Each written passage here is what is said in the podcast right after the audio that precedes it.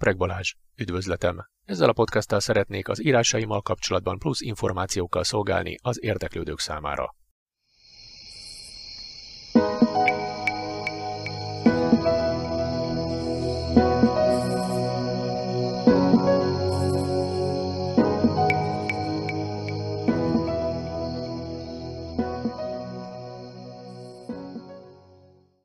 Üdvözletem! Ez a Preg Balázs irodalmi szösszenetei című sorozat legelső része. Tekinthetjük kulturális podcastnak. Én Medias Res. Rendkívüli kezdésként most nem egy rólam szóló indító adással jelentkezem, hanem inkább kedv csináló gyanánt, mint egy kis ízelítőként. Az eddigi legtöbb pozitív visszajelzést kapott írásom a BB Peace a Kaland, Little Corporal című detektív kalandregény trilógiám első, a Vizen című kötetének kezdő fejezete. A tervek szerint a jövőben időről időre közzéteszek néhány további fejezetet az adássorozat részeként. Jó szórakozást hozzá!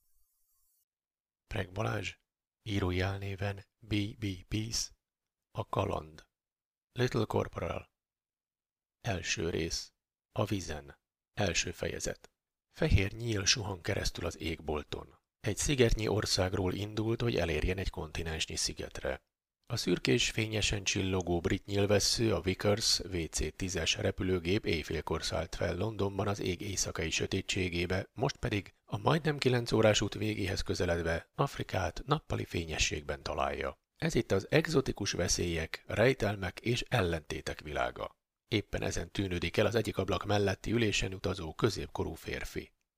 Na, fene gyerek Ed, vajon mi a csodát kereselt ezen a gépen? Régeségi vágyat teljesülhet most, és te mégsem örülsz neki? Mióta is szeretnéd már az angol detektívek szabadabb napjait Afrikában tölteni? Igaz, nem éppen így tervezted. Ahogyan idáig jutottak gondolatai, szinte ólomnyi súlynak érezte a zsebében lapuló rendőrjelvényt, ami eszébe juttatta, hogy hivatalos utazáson vesz részt. Próbálta tovább győzködni magát. Na, akár turistaként, akár nyomozóként jössz Afrikába, az ugyanaz marad. A titokzatos, fekete földrész, amelyről annyit álmodoztál már. Rövid, szőke haja nem zavarja a kilátásban, kék szemeiben mégsem a vadregényes tájat látja maga alatt. Látóterét lassan betölti az egy héttel ezelőtti lezajlott beszélgetés képsora. Augusztusi londoni hétköznap. Zakójával a vállán kettesével szedi a rendőrségi lépcsőket. Irodájának emeletére felérve már a fordulóból látja íróasztalát és rajta a névtábláját, Edward Stevenson. Mellette az oszlopon nyíl, tájékoztató jellegű felirattal, eltűnt gyermekek, gyermekrablás, gyermekkereskedelem. Indul az asztala felé, amikor munkatársai egy emberként kapják fel fejüket. Kölcsönös köszöntéseket követően egy göndörhajú, kerekfejű fiatalember állítja meg, majd titokzatoskodva szól hozzá. Mr. Stevenson, ma megcsinálja a karrierjét, lelki szemeimmel már látom is az újságok címoldalát. Akár abba is hagyhatod, Greg. Vág közbe Edward. Ezt minden egyes áldott napon eljátszott, pedig te magad is nagyon jól tudod, hogy még a sportoldalon sem szeretnék szerepelni. Látod? Az azt jelenthetné, hogy te nyomoztál ki valamit a legsebesebben. Akkor már inkább annak járnék utána, vajon mi okozza, hogy az időjárás egyre kevésbé találják el. Most azonban lehet valami abban, amit Greg jósol, szólt a beszélgetésbe egy harmadik személy. A főnök már hajnalok hajnalán bejött a vezérirodába, azóta kiderült, hogy meleg ágyacskájából forró dróton rángatták ki. Már azt hittem, a szokásos álmatlansága jött rá a vénrókára. Vette vissza a szót az előző sötéthajú fiatalember. Időközben azonban megérkezett egy főmufti a fegyvercsempészettel foglalkozó főosztályról. Vár csak ne tette volna, vagy nekem ne kellett volna bejönnöm. Az alatt a pár lépés alatt, amíg a liftől ideért az oroszlán barlangig. Itt az osztályvezető százados szobája felé mutatott. Mindenki ez volt néhány keresetlen szava, amitől a hangulatunk a fagypont körüli hőmérsékletre zuhant. Ez a kopasz mitugrász azt hiszi, ő tartja a vállain a földgolyót, és mi ezért hálával tartozunk neki. Háborodott fel egy cingárnő. Szerintem még az esernyőjét sem tudja kinyitni egyedül. Miből gondoljátok, hogy az én sorsomat akarja irányítani? kérdezte Stevenson. Ez nagyon egyszerű, szólt gúnyosan Greg, Isten teremtésének koronázatlan tarfejű királya, és szegény porban csúszómászó fönökünk percenként érdeklődik a hollétet felől. A társalgásnak egy basszus hang vetett véget, mely végig hömpölygött a teremben. Na eredj fiam, küldte őt útjára Greg, a tréfásan keresztet vetett. Most majd kiderül, hogy a dobogó legfelső fogára jutsz-e, vagy úgy kell majd a csontjaidat összefakarnunk a főnöki lábtörő alul. Edward ruganyos, ám határozott léptekkel ment az irodaajtóhoz, melyen keresztül csak úgy gomolygott kifelé a cigarettafüst. Nagy lehet az idegeskedés, gondolta, ha reggel óta sikerült létrehozniuk egy kétnapos téli londoni köd másolatát. Belépett és köszönt. Főnöke az iroda ablakánál állt háttal, a székében meg egy kis kövér, kopasz ember terpeszkedett. A vén róka, ahogy egymás között nevezték felettesüket, most megfordult. Gonterhel tekintete végigfutott a falakat borító fényképeken, amelyeken hol egyesével, hol csoportosan a testület tagjai szerepeltek, rápillantott a fali térképekre, végül Ed kék szemeibe nézett. Stevenson, szorít az idő. Elsőként én vázolom a helyzetet a mi szemszögünkből, utána ez az úr fogja közölni a mondani valóját. Az apróság csak erre várt. Testsúlyát meghazudtoló gyorsasággal felpattant, és idegesítően vékony, magas hangon rákezdett a beszédre. Leslie Hopkins vagyok, a fegyverkereskedemmel foglalkozó osztályfőnöke. E bemutatkozó belépő után visszafolyt a székbe, és türelmetlenül szúrós szemmel nézett a másik kettőre. A vén róka olyan pillantást vetett Edwardra, amely egy csapdába esett vadéra emlékeztetett. Ő megértően bólintott. Figyelmesen várta, miként folytatja felettese a félbe maradt beszédét. Ma éjjel többször felhívtak telefonon, igen magas körökből. Mindenből ugyanaz derült ki. Afrikában, szűkebbre véve Nigériában és Kamerunban angol családok gyermekeit rabolták el. Eleinte csupán egyszerű eltűnésre gondoltak, de időközben a rablás alapos gyanúja merült fel. Azóta sem látta senki a gyermekeket. Az ottani hatóságok természetesen tehetetlennek tettetik magukat, amin én egy cseppet sem csodálkozom. Régebben ennek pontosan a fordítottja volt a helyzet. Most ez üt vissza. Minden esetre a szülők rájöttek, hogy inkább angol vezetőbb körökben próbálkozzanak. Végezetül valaki, valahol megtalálta a mi számunkat. Apró súhajjal szakította meg elbeszélését. Nem tudom, mit is gondoljak a rablásokról, ha tényleg ez áll a háttérben. A fekete gyermek szívós, jó munkaerő lenne, de az afrikai államok többsége a függetlenségei kikiáltása óta a hivatalos úton nem ad ki senkit. Azt azonban, hogy fehér gyermek kinek kell, hol és mire, végképp nem tudom. Ismét szünetet tartott. Közelebb lépett Stevensonhoz. Ed, magára esett a választásom, hogy oda küldjem. Jó érzéke van az ilyen ügyekben. Ha jól tudom, még Afrikát is ismeri valamennyire. Kizárólag elméleti ismereteim vannak, nagyjából egy könyvből tanító földrajztanára hasonlítok. Akkor ezt most tovább bővítheti. Olyan lesz majd, mint egy kétlábon járó lexikon, hangzott fel a természet ellenes hang. Hopkins szimpadias mozdulattal kivette zsebéből a cigarettatárcáját, és a jelenlévők megkérdezése nélkül rágyújtott. A tárcát szinte teátrálisan eltette, azután ujjaival elkezdett dobolni az íróasztal lapján. Végül belefogott a monológiába. Az elméleti órát nagyon hamar gyakorlati fogja követni a helyszínen. Ez azonban nem jegyre megy. Afrika a 60-as évek előtt is sokrétű piacnak számított. Ez a helyzet a függetlenedésük óta sem változott gyökeresen. Csak a mi dolgunk vált nehezebbé, mivel a közvetlen ellenőrzés kikerült a kezünkből. Ráadásul elég sok helyen dúlnak háborúk. Ez nagyon kedvez a fegyverkereskedelemnek, a csempészetnek és jelentős mértékben gátolja a munkánkat. Az államok közötti kétes ügyletek nagyjából ismertek előttünk. A fekedék harcai természetesen a fehérek a saját haszunkra akarják fordítani. Nem akarok nagy szavakat használni, de létezik afrikai hidegháború. Van, akiket a kelet támogat, hogy ezáltal nyerjenek befolyást az eddigi nyugati körzetekben. Az ő céljaikat nagyjából segíti, hogy a gyarmatokon élőknek elegük van a gyarmatosító országokból. Másfelől, a tőkés országok foggal körömmel ragaszkodnak a régi helyzetükhöz, csak most más nevet adnának neki. Annyi előnyük van másokkal szemben, hogy az urak kezében van a gazdasági élet egésze, Továbbá a távozó fehérek elviszik magukkal a szakembereket és leszerelik a gyárak gépállományát. Mindig is a gyarmatosító fejlődött a gyarmat helyett. Így az elvésíkon függetlené vált afrikai országok kénytelenek abba kapaszkodni, aki bármilyen módon segítségükre lehet. Itt hatásszünetet tartott. Látványosan elnyomta cigarettáját, majd folytatta. Tudunk arról, hogy a felkelések zömét kik támogatják kívülálló országok közül anyagiakkal vagy fegyverekkel. Az érthetőség kedvéért mondanék nemzetközi példát. Itt van a legismertebb, a Commonwealth of Nations, vagyis a brit nemzetközösség néven létrehozott országközösség. Afrikai gyarmatok is tartoztak tagjaik sorába, köztük Kenya, Malawi, Nigéria, Zambia, Uganda és 61-ig a Dél-Afrikai Köztársaság. Utóbbit kénytelenek voltak kizárni a felháborodást keltő fajüldöző politikájuk miatt. Mellesleg megjegyzem, hogy a rezsim a mai napig tartja kapcsolatát Nagy-Britániával, és élvezi számos Commonwealthi, azaz közjói kiváltságát. Vagy ott van Rodézia, ahol 1965-ben a törpe kisebbségben lévő fehérek kikiáltották az ország függetlenségét, hogy így tarthassák fenn az addigi gyarmati berendezkedést. Angliára mit lépett, kérdem én? És kezdő karakterszínészhez hasonlóan feltartotta a kezét, szóbeli figyelmeztetéssel elintézetnek vette a dolgot. Edwardot érdekelte az előadás tartalma, bár nem egészen értette, miként van köze neki mindehez. Csupán a fejtágító információ özön előadásának módjából volt elege, ám amint a főnökére nézett, látta, hogy ő is úgy állott, mint akinek a fogát húzzák. A kis ideggombóc ember mindenből semmit sem vett észre. Egyre csak nyújtotta az elbeszélését. Az afrikai országok kikiáltották ugyan a köztársaság államformát? Ki korábban, ki később? De ez csak formális függetlenedés. Régre és mélyre nyúló gazdasági gyökerek fonják össze őket a volt gyarmatosítókkal? Ennek oka, hogy a hazai termékek eladása, és itt főként monokultúrákról van szó, erősen függ a tőkés országoktól a valuta és a vámok miatt. Ráadásul a helyi, kizsákmányoló rétegek szövetkeztek a haszonra mindig éhes fehérekkel. Például kölcsönös politikai feltételek útján, vagy egy olyan állókkal, mint a támaszpont igénylése.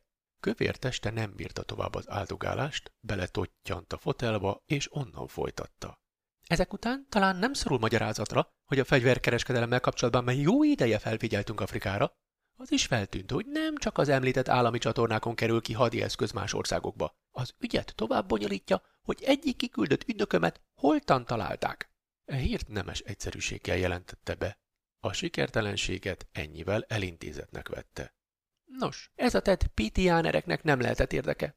Én eddig is sejtettem egy-két komolyabb szervezett banda meglétét. Az évek során kitermelődött a fehér kisebbség és a vegyes, de a kis létszámú gazdag réteg megvesztegethető, ezáltal segítőkészé tehető csoportja. Ezt az áll felháborodott pökhendiséget Ed már nem bírta szó nélkül. Nem hiszem, hogy csak ez a terület lenne a legrosszabb, leggonoszabb, legpénzéhesebb emberekkel ellátva.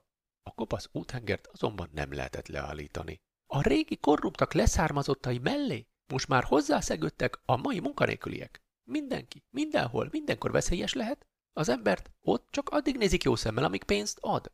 Ennél a mondatnál újra rágyújtott. Végére érve elmondom, miért is vagyok itt. A maguk osztályának vezetője ma felhívott és értesített mindarról, amit már önnek is elmondott. A mi nyomozásainkról keringő hírek alapján úgy véli, összefüggések lehetnek a különböző bűncselekmények között.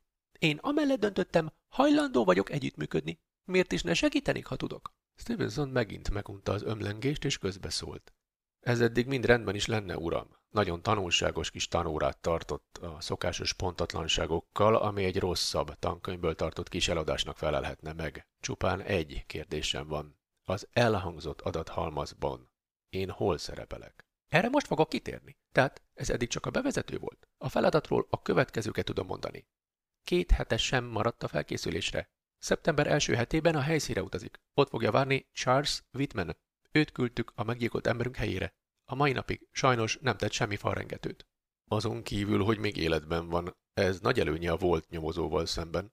Gúnyolódott Ed. Ezzel megzavarta Hopkins végszavát, de azt tapasztal szócséplő lévén még így is maga felé fordította a végkifejletet. Atyáskodóra fogta modorát, bár hangja inkább egy élemedett korú nagymamára emlékeztetett. A többit majd megtudja a felettesétől, csak azt tanácsolhatom, sehol se üssön fel tanyát.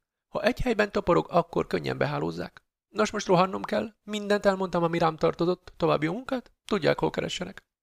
Ezzel kivonult a szobából. Amikor a lift ajtaja bezárult mögötte, a szállító szerkezet kivételével, az egész emelet megkönnyebbült.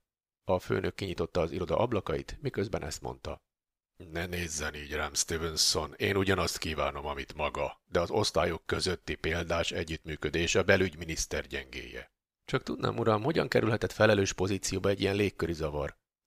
Megértem, Edmond, mégsem üthettem agyon, és nem dobhattam ki sem az ajtón, sem az ablakon. Na, ez igaz. Nehéz lenne öngyilkosságnak feltüntetni. Még egy kezdő közlekedési rendőr sem venné be, hogy ezen a keskeny ablakon a 260 font súlyú hordó Hopkins megállíthatatlan fürgességgel ugrott volna ki. Ezt megtárgyaltuk. Térjünk vissza az eredeti témára. A dolgok egyik felét egyoldalúan már hallotta. Most jövök én. Itt és most azonban semmi részletet nem tudok a rablásokról. Azért esett magára a választásom, mert megbízhatónak tartom, jó és tapasztalt nyomozónak, és nem utolsó sorban ismeri Afrikát. Családja nem lévén könnyen, gyorsan indulhat el. Szűk két hét a felkészülési ideje. Ami kell, és ezt most maga jobban tudja, mint én, azt megkapja. A repülője szerdán indul, éjfélkor. Nem akarom elkedvetleníteni, de addigra már várható a szeptemberi londoni köd. Akkor csak örülhetek, hogy az életnapos oldalára megyek. Az lehet, de akkor sem irigylésem méltó a helyzete. Nigériában már 14 hónapja dúlnak harcok. Angol utasszállítók nem szállnak le Kanóban, ezért a maga útja Etiópián át Kenyába vezet, Nairobiban pedig átszáll egy másik járatra. Ez helyi járatként átviszi a kameruni Yaoundéba. Kapcsolattartásunkról magának kell gondoskodnia, bár szerintem ez nehezen fog sikerülni. Egy dologra nyomatékosan felhívom a figyelmét. Az érintetteken kívül senki más nem tudhat a dologról. Végig furcsán szigorú volt a hangja. Elnézést, hogy félbeszakítom, uram, de Charles Whitmannel hogyan fogom felvenni a kapcsolatot? Ettől ne tartson, mert akinek meg kell találnia magát, az meg is fogja találni.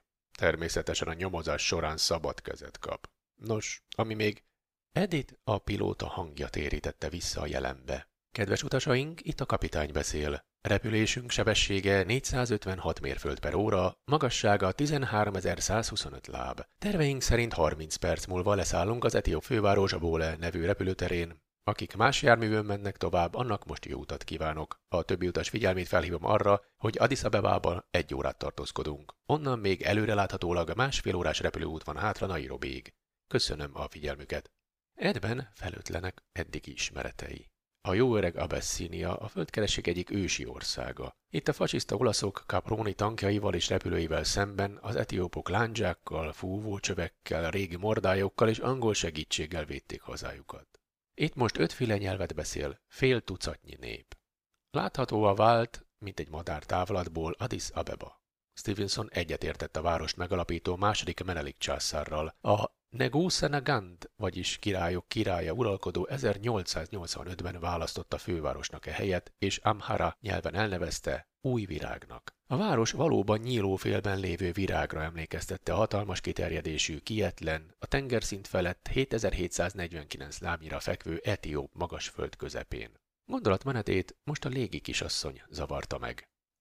Parancsol valamit? Üdítőt? Szódavizet? Kávét? Mosolygott rá. Köszönöm, nem. És egy pillanattal később már az járt az eszében, most nem igen kínáltak volna kávéval, ha nincs Etiópia, hiszen a kávé őshona a dél-etiópiai Kaffa tartomány. Eltűnődött a legendán, amely szerint az ókeresztény kopt szerzetesek által legeltetett kecskék ettek a növény leveleiből, és furcsa viselkedésük hívta fel pásztoraik figyelmét a kávécserje élénkítő hatására. Szerencséjének vélte, hogy ő nem csatlakozott a kávéívók népes táborához. Még a hosszú utazás sem várasztott el annyira, hogy ehhez a serkentőszerhez nyúljon. Gondolatai ismét a feladatára terelődtek. Eszébe jutott főnökének titokzatoskodása. Nem tudott napirendre térni felette. Mit jelentett az, hogy akinek ő kell, az úgy is megtalálja? Arra már alig mert gondolni, hogy végső soron ez mit jelent. Talán nem is Charles Whitman az ő embere.